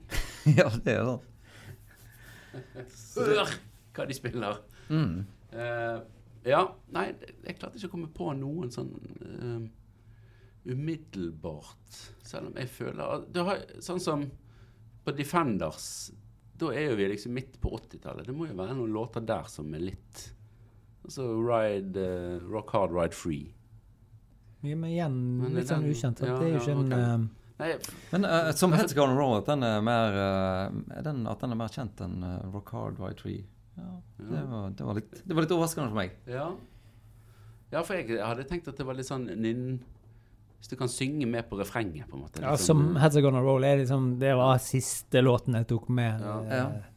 Fordi den er ja. Den har et eller annet som gjør at den kan funke på radio, uten å være veldig kjent. da. Mm. Men Det- uh, i hvert fall ja. Jeg vil jo tro at det er litt enklere med Priest, som har låter som varer i tre-fire minutter. Mens Maiden stopper jo ikke før det er gått seks, syv, åtte. Nei, altså du ser jo de låtene som jeg har med her, er jo kort uh, Maiden-låter. Eh, og, og det er jo sånn på radio at det er jo en annen regel som tilsier at det skal være helst ikke så mye mer enn fire minutter. Men, men uh, vi skiter jo i det. Men vi plukker jo musikken vi vil sjøl. Eh, så vi tar jo mye mer sjanser enn alle andre. Men uh, jeg, eh, jeg, skjønner jo det at hvis du skal holde på folk, og hvis du ikke liker en låt, så bør den ikke vare så lenge. Eh, men som sagt, vi kjører gjerne syv minutter låter, vi. Så det er ikke noe problem, det. Nei, det, og det syns jeg er, er fenomenalt. Men, men det, som er, det, som er, det som slår meg litt med, med disse her i forhold til radio, det er at eh, Altså, bortsett fra Can I Play With Madness, som jeg hadde på min eh, førsteplass på, på, på, på Maiden-låta Igjen veldig, veldig rart. Men, eh, men det, det Men- er men- ditt valg. Men bortsett, bortsett fra den, eh, så høres det ikke ut som disse Maiden-låtene er på en måte lagd for radio. Mens Priest-låtene, eh, der eh, kan jeg være med på at eh, de er mer lagd for iallfall amerikansk rockeradio. Hva, hva, hva tenker du på, på, på det? Altså, du, du hører jo masse låter fra mange, mange band. Jo, og om det er en sånn tanke bak om at dette skal, det skal låte bra på radio. Jeg skjønner hva du mener, men jeg, jeg tror at um, de Priest-låtene som blir spilt mest på radio, og som gjør seg best på radio, 'Living After Midnight' og 'Breaking the Law', Mm. tror kanskje ikke de er laget for radio. Nei. Men jeg tror jo at når du kommer litt senere på 80-tallet, Mm. 'Turbo Lover' og 'Parental Guidance' og de tingene der, da tenker de amerikansk radio. Mm. 100 Ja. Og det, jeg syns jo de klarer det ganske bra. ja. Jeg, jeg tenker også til og med på sånn uh, You Got Another Thing Coming. Ja, ja, den Den er òg måte lagd for, for, for radio. Men jeg tenker at kanskje at det var litt flaks med de British Steel-låtene der, at de slo an. Og da, tenker, da begynner de å tenke å ja, vi kan bli spilt på radio. Vi kan få radiohits. What? Er sant? Og så er de jo i gang, da. Ja. Ja, for det var vel helt litt sånn uhørt for de å bli spilt på Og den sjangeren blir spilt på radio Helt klart. eh, før eh, 1980 uansett. Så, ja. så, så sånn sett så skjønner jeg at det kanskje var så kalkulert eh, det, men at det er erfaringene som, som gjør at de, de ser at eh, det er noen formler det går an å, Mm. å forholde seg litt, litt til. Ja, Men en ting som jeg bare vil eh, nevne kort, er jo det at eh, hvis du tenker på disse såkalte rockekanalene, eh, der en skulle tro at de hadde måte, full frihet til å spille akkurat hva de ville. Hva spiller de da? Jo, de spiller 'Number of the Beast', og så spiller de 'Run to the Hills'. Eller, det, er satt litt på spissen, men Ja, de gangene jeg er inne og hører, så er det jo de samme få låtene. Ja. Uh, så, så, og- 'Breaking the Law', 'Living. After Midnight'. Går veldig igjen. noe Men dette han, ja, det handler jo eh, om det man kaller formatering. Det betyr at du har uh, så og så mange låter i en spilleliste da, som du kan spille. Eh, Du har ikke valgmuligheter. Eh, men jeg vil jo anta at både P6 Rock og Radio Rock har programmer som kan velge mye sjøl. Men på min egen kanal, NRK P13, da, som skal, er litt sånn rockeradio, indie-radio, altså vi spiller mye forskjellig. Der er også veldig mange program formatert. Og der er det bare så og så mange låter av Iron Maiden som er i formateringen til enhver tid. Og da er det bare de som blir spilt. Og det- det samme er jo for de formaterte programmene på de andre kanalene. Så det er jo eh, Men, men vel ikke det noe reformatering snart? eh, Jo, da? men det, kan, er det jo De kan ikke bruke ti De kan ikke ha samme formateringen i ti år. Eh, Kan de det? Det kan det jo, men, men av og til så skifter man jo litt låter og sånn. Men jeg skjønner jo at mange syns at det, det er for mye som går om igjen. Ja. Både på P13 og på Radio Rock og PC. Jeg syns jo det sjøl også. Jeg, jeg er jo eh, heldig som har et program der vi kan ha 100% valgfrihet og bare spille det vi vil. Men selvfølgelig, du tenker jo hele tiden eh, at eh, du, må, du må velge litt med omhu. sant? Nå kjører vi en rockelåt der, og så kjører vi en poplåt etterpå. altså det skal jo, det, Som å sette Mm. sammen en settliste, da. Det blir jo mye det samme. Ja, men Altså, kan man sette sammen en settliste av Priest og Maiden? Ja, nei, men sant, dere skjønner. eh, Ja, da, ja, skjønner, men, skjønner, eh, og, og jeg er helt enig, det burde vært mye bredere formatering på eh, alle disse kanalene. Men, men så viser det seg at hvis man gjør det, så får man færre lyttere. Så det er jo folk. Folk må jo skjerpe seg. Ja. Det er jo Ja. det som er greia. Ja, for det det, det, er det jeg tenker. Sånn at, Iallfall i hvert fall hvis du er Radio Rock, sant? og uh, i presumptiv så er det på en måte rockefans som hører på deg. Hvor spiller du da eh, 'Living After Midnight' tolv ganger om dagen? Istedenfor å ta inn uh, f.eks. Uh, 'Touch of Evil' innimellom og, og de Ja, tingene der. Men, det- det men virker rart. det er, er, det, er det rett og slett uh, 'money talks, bullshit walks'? Ja. Da er, altså, dette har de på en måte bare funnet ut etter. da, ja. da kommer det færre annonsører og færre lyttere. Da, Ja. som Eh, blir det. altså, de er jo også i tillegg reklamefinansiert. Ja. Nå skal ikke jeg mene noe om formateringen til de andre radiokanalene, men som lytter til de, da, så ville jo jeg gjerne hatt en bredere formatering. Mm. Men det handler jo om uh, at det, skal, det er knallhardt på lyttertall for de reklamefinansierte. Og for NRK-kanalen også. Så hvis ikke du har nok lyttere, så har du ikke noe der å gjøre. Men nå, Bård, nå føler jeg at vi har eh, Nå står vi ved sånn veiskille nå. Skal vi nå, eh, skal vi nå eh, snakke opp NRK og snakke ned Radio Rock for kanskje å bli plukket opp av eh, NRK med denne podkasten? Eller skal vi gå andre veien og snakke opp eh, Radio Rock og si at det er kjempebra for håndtering?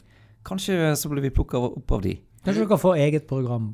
Vi tar dette til redigeringsrommet, og så klipper vi to versjoner. ja, det gjør Én vi. for eh, NRK eh, En NRK-vennlig og en Radio. Rock-vennlig. Ja. Det og nå har vi mer enn nok materiale. Og så, så, så gjør vi sånn som de. Da tar vi bare og måler på, eh, måler på antall eh, hits og eh, ja. Mm. Er det en Priest eller Maiden-låt som du kunne spilt der der du tenker at eh, nå, kommer litt, nå strømmer lytterne til når, når, de får høre dette? Da blir de værende på, på, på kanalen. Skru skrur de opp og tar seg en øl. Ja, altså det, er jo, det er jo de kjente låtene. Så vi må jo innse at det er jo ikke Selv på rockeradioer Mm. så er det jo ikke så interesserte folk som oss som lytter, alle sammen. Nei. Så Det er det er jo det liksom, Folk vil jo høre seg en god hit, da, vet du. Ja. Men så er det jo noe med at du kan jo skape en, en hit òg, hvis du spiller den mye. Ja, for det leder meg litt over til neste Altså, hva betyr radio i dag for, for band og måten band øker populariteten sin på, kontra ja, ja, La oss si eh, for 20 år siden, da. Nå kan jo jeg bare snakke om her i Norge, da. Mm. Jeg aner ikke hvordan det er ute i verden, sånn sett. Men her i Norge står jo radioen utrolig sterkt fremdeles. Det blir jo selvfølgelig eh, presset av podkast og alt sånt, men eh, det virker som det er veldig viktig for norske band spesielt da, å få radiospilling. Og, og Ja. at de synes at det er jævla stas. Mm. Uh, og, viktig for de å liksom nå ut til folk. Så eh, altså Tidligere så var det jo bare én kanal, og da var det jo utrolig viktig å bli spilt på den kanalen. Nå er det mer at eh, et rockeband, sant? da er det viktig å bli spilt på de radioene som kan tenkes å spille den Mm. musikken. Eh, mens hvis du liksom skal bli en sånn folkelig kjent, kanskje litt kjedelig artist, så er det jo viktigere å være på P1. Ja. Her nevner vi ingen navn. Nei. Neida. Nei, nei, nei. Men, men eh, da er det jo P1 som, som gjelder, gjerne litt sånn dagtid. eh, Ja. sant? Ja. Og så kan jo du være heldig og bli eh, listet på mange kanaler samtidig. Eh, og, og det er jo ikke bare det at du når ut til mange folk.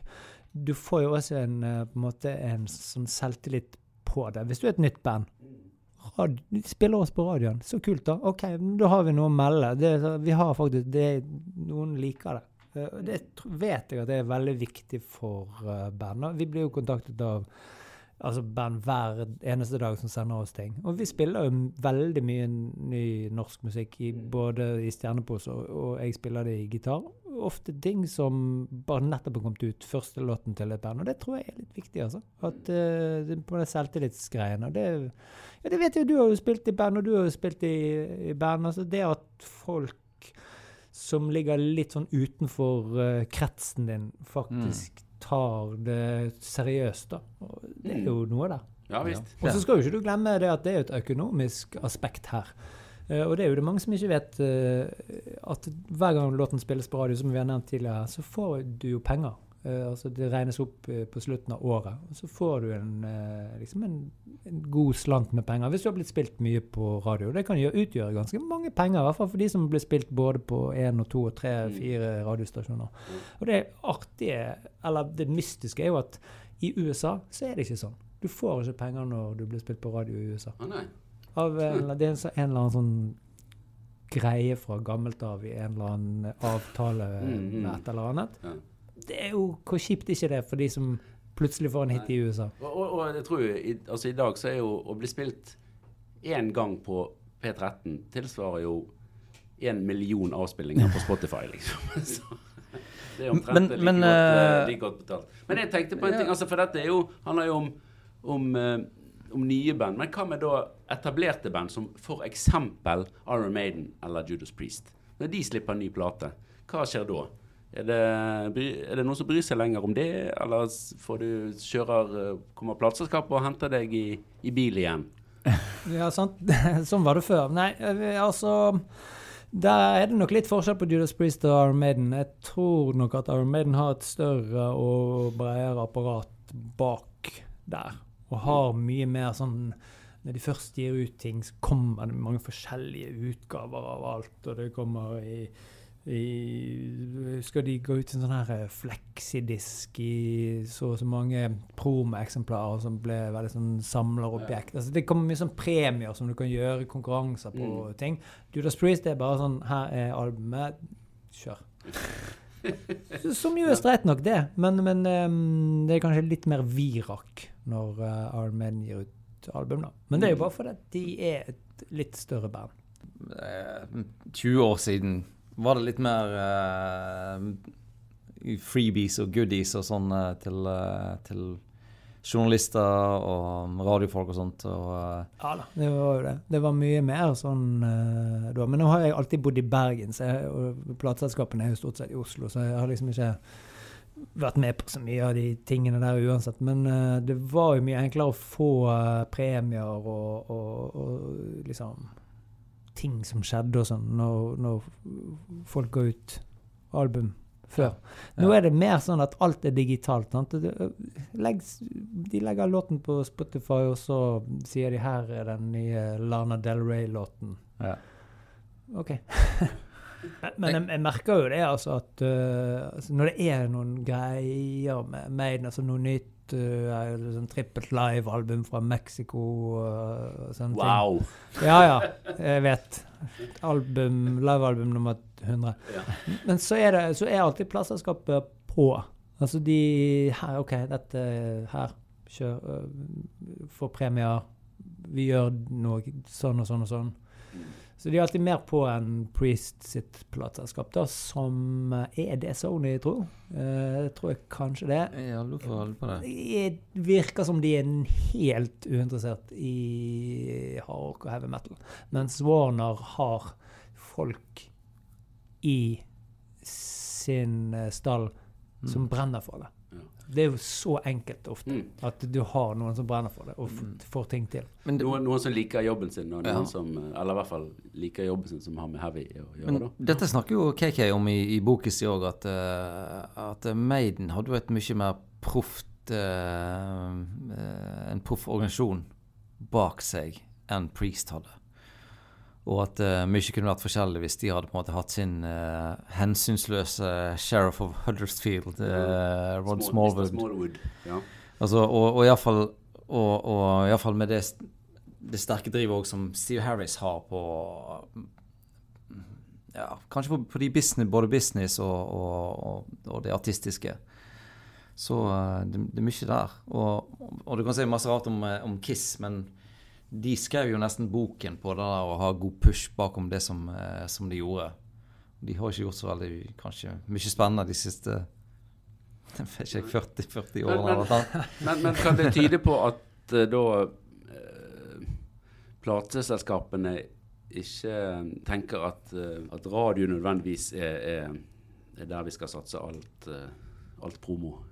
Ja, og eh, altså, dette har jo gått utover plateselskapene også. Altså, de har jo ikke så mye penger som de hadde før. Og hvorfor skal de trykke opp så jækla mye ting når ingen kjøper disse tingene likevel? Eh, altså, de får jo spilt eh, låtene sine på radioen mest sannsynlig uansett hvis det er en stor artist. Hvorfor skal de trykke opp uh, masse premier og freebies når det er bare 2 av fansen som kjøper fysisk uansett. Mm. Det er jo det som er problemet. Og jeg skal ikke begynne med mitt uh, store hat mot uh, alt som har med streaming og Spotify og alt det der å gjøre, men Ja, nå kommer den strenge. Nå kommer ja, kanskje det den strenge Jeg kjenner til Toto. det, jeg kjenner til deg, og det, det, Jo da, men det, har jo, det er jo eh, sånn rip-off, så det går jo ikke an. Uh, Men, men. Det er jo dumt for artistene. Men, men det har jo på en måte da gått den veien at hvorfor skal plateselskapene satse på det når de allikevel ikke selger noe særlig av det fysiske? Det er jo ingen vits. Ja,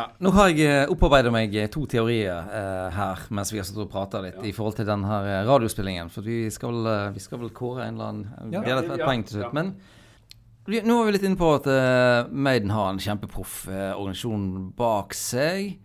Som kanskje er flinkere til å pushe ting, og som kanskje er flinkere til å få ting på, på radio. Mens Priest kanskje ikke har det. Så eh, er det en mulighet at disse sangene til, eh, til Maiden har blitt mer pusha inn på radio, og eh, Priest-låtene har blitt mer dratt inn på radioen fordi det er gode låter? Eller er det liksom den store mengden folk som liker Maiden, som har på en måte krevd at Maiden skal spille, selv om de ikke er i utgangspunktet radiolåter? Det, det, alt har jo med popularitet å gjøre. Mm. Det at Maiden har hatt et stort apparat ganske lenge, har jo gjort at de har blitt et stort band. Mm. Stor liveattraksjon. man ser at det kommer masse folk på konsertene. Selvfølgelig, de er, Dette er et stort band.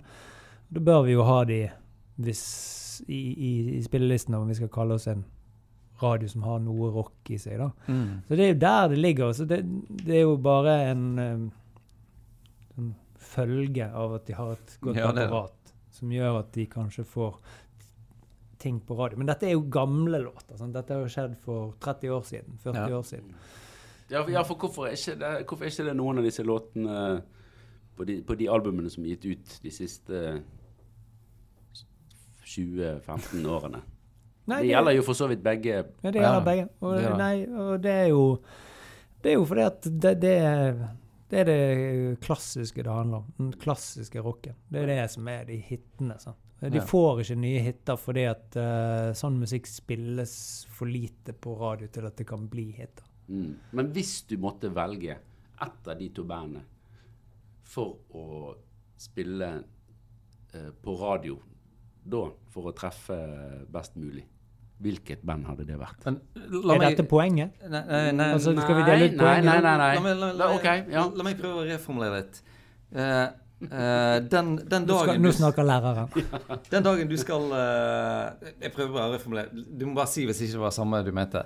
Men den dagen du skal spille din siste låt på radio, og du har valget mellom Priest og, og, og Maiden, eller en av disse låtene av Priest eller Maiden som blir sånn OK, takk for meg, dette er Toto Mjelde, dette var kjempekult, og jeg har hatt et fantastisk liv som uh, i radio.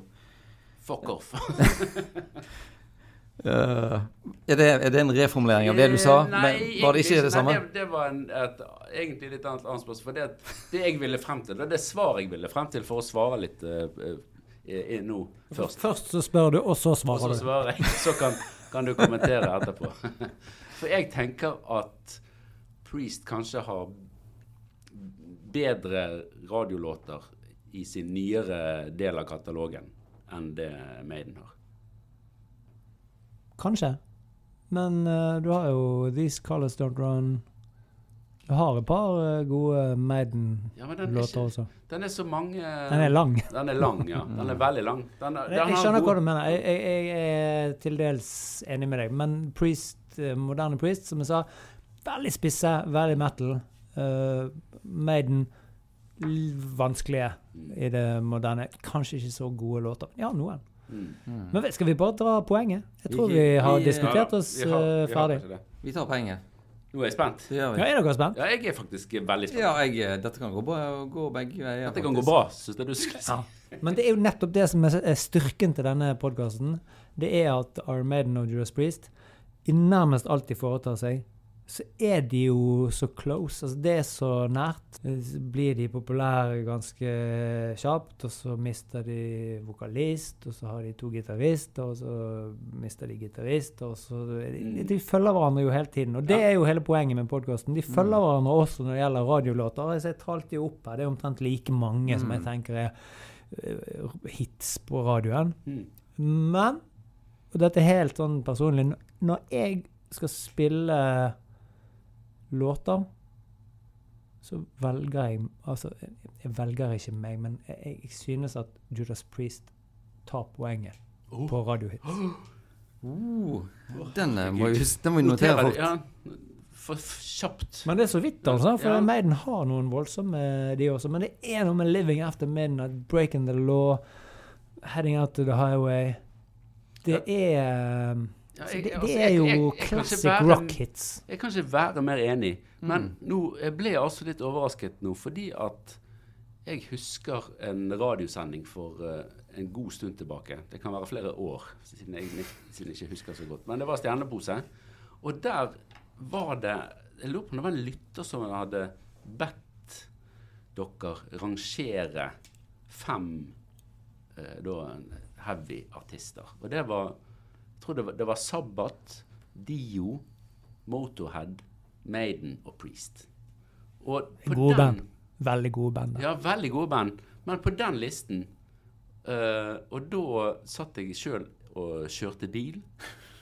Og, og på den listen der kommer altså, altså Totto rangerer Maiden over Priest der. Og derfor tenkte jeg at ja, ja, dette poenget går til våre venner i, i Iron Maiden denne gangen. Men Men det var jo det første poenget som ble delt ut her ja, i dag. Altså, det var jo uh, protokoll. ja. OK. Så det var et protokollspørsmål? Det var protokollspørsmål. det.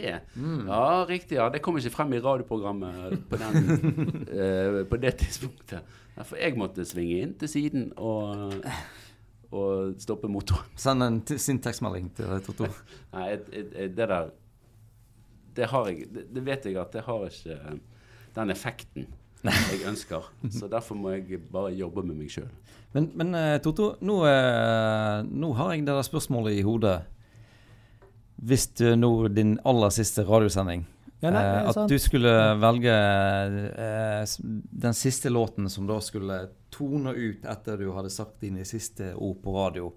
Hvis det skulle vært en Priest-låt eller en Maiden-låt. Ja, for dette har vi jo gjort før. I Pyro, da vi sluttet den 600 og 66. 66. 66. Så sluttet vi jo med Metallica Fate to Black. Ja. Synes det var lurt. Var ikke det lurt? Ja, det var litt stilig. Ja, det var litt Ja, ja. Det hadde vært inne for at Number of the Beast òg, ja, siden nei, det var 666? Når du sier det på den måten, når jeg velger, så hadde faktisk jeg eh, valgt meg eh, Hallowed Be Thy Name. Har du det? Ja. Oh. For, men det, for den er så Ja, det er noe episk. Vi skal opp til giljotinen. ja. Radioprogrammet dør jo. Ja. Det skal bli halshogget. så, eh, men det kunne like gjerne vært en eh, Priest-låt, altså. Men det var det beste jeg kom på. nå. Du, vet hva? Jeg elsker Priest, jeg. Vet du hva? Jeg tenker akkurat den der uh, 'Reflecting on my past life'. Det er jo en, det er faktisk en fin uh, siste låt. Da, uh, da får du på en måte den refleksjonen og Dette er et langt og godt levd liv. Jeg syns det var et veldig Ja, godt svar. ja, det var eh, veldig det var et svar. veldig godt Ja. svar, Toto. Og, og, det, og det, det er fair and square at Maiden skal få, få æren eh, av det, når, når Priest fikk så mye, Fikk poenget. fikk så Fikk mye poeng. poeng, i, i dag, altså. Ja. Dette er veldig bra. Skal vi si eh, takk for oss for denne gang, da? Det må vi. Vi, og, vi må si tusen hjertelig takk til Toto, som uh, tilbrakte litt tid med oss her i dag. Um, fikk Det masse blir vel altfor langt, dette, som, som vanlig. Men det er gøy, det. Det Ja. Ja, nei, det, blir, det skal bli langt og fint. Vi har De som som har hørt helt til nå, de, de får sitt eget lille poeng. Tror vi, vi har ikke fått en klage på at det er for langt ennå. Kommer, kommer kanskje nå. Men nå må dere huske å eh, liksom reklamere for alle tingene som skal skje. Ja, ja, det eh, det. Ja. event Ja. og Hva som skjer etter nyhetene? Ja, du sitter du og klar med å For Nå vokser jo podkasten. Den bare vokser og vokser. Ja, ja, ja. Du, eh, eh, det var, vi må reklamere for at eh, det blir jo en eh, avslutning, eh, sesongavslutning på Apollon den 17. juni. Med Tor Tessem fra Apollon som, eh, som gjest. Eh, og da går det an å komme og høre på oss. Og se, Eh, og se oss, faktisk. og se oss. Jeg vet ikke- jeg vet ikke om det er noe pluss. Nei, det er ikke nødvendigvis. Denne podkasten som du skal spille inn på Apollon, det blir den siste podkasten før sommeren. Ja. Og eh, vi kommer igjen i august, tror jeg vi kan si. Da har vi vært på Bahamas, begge to.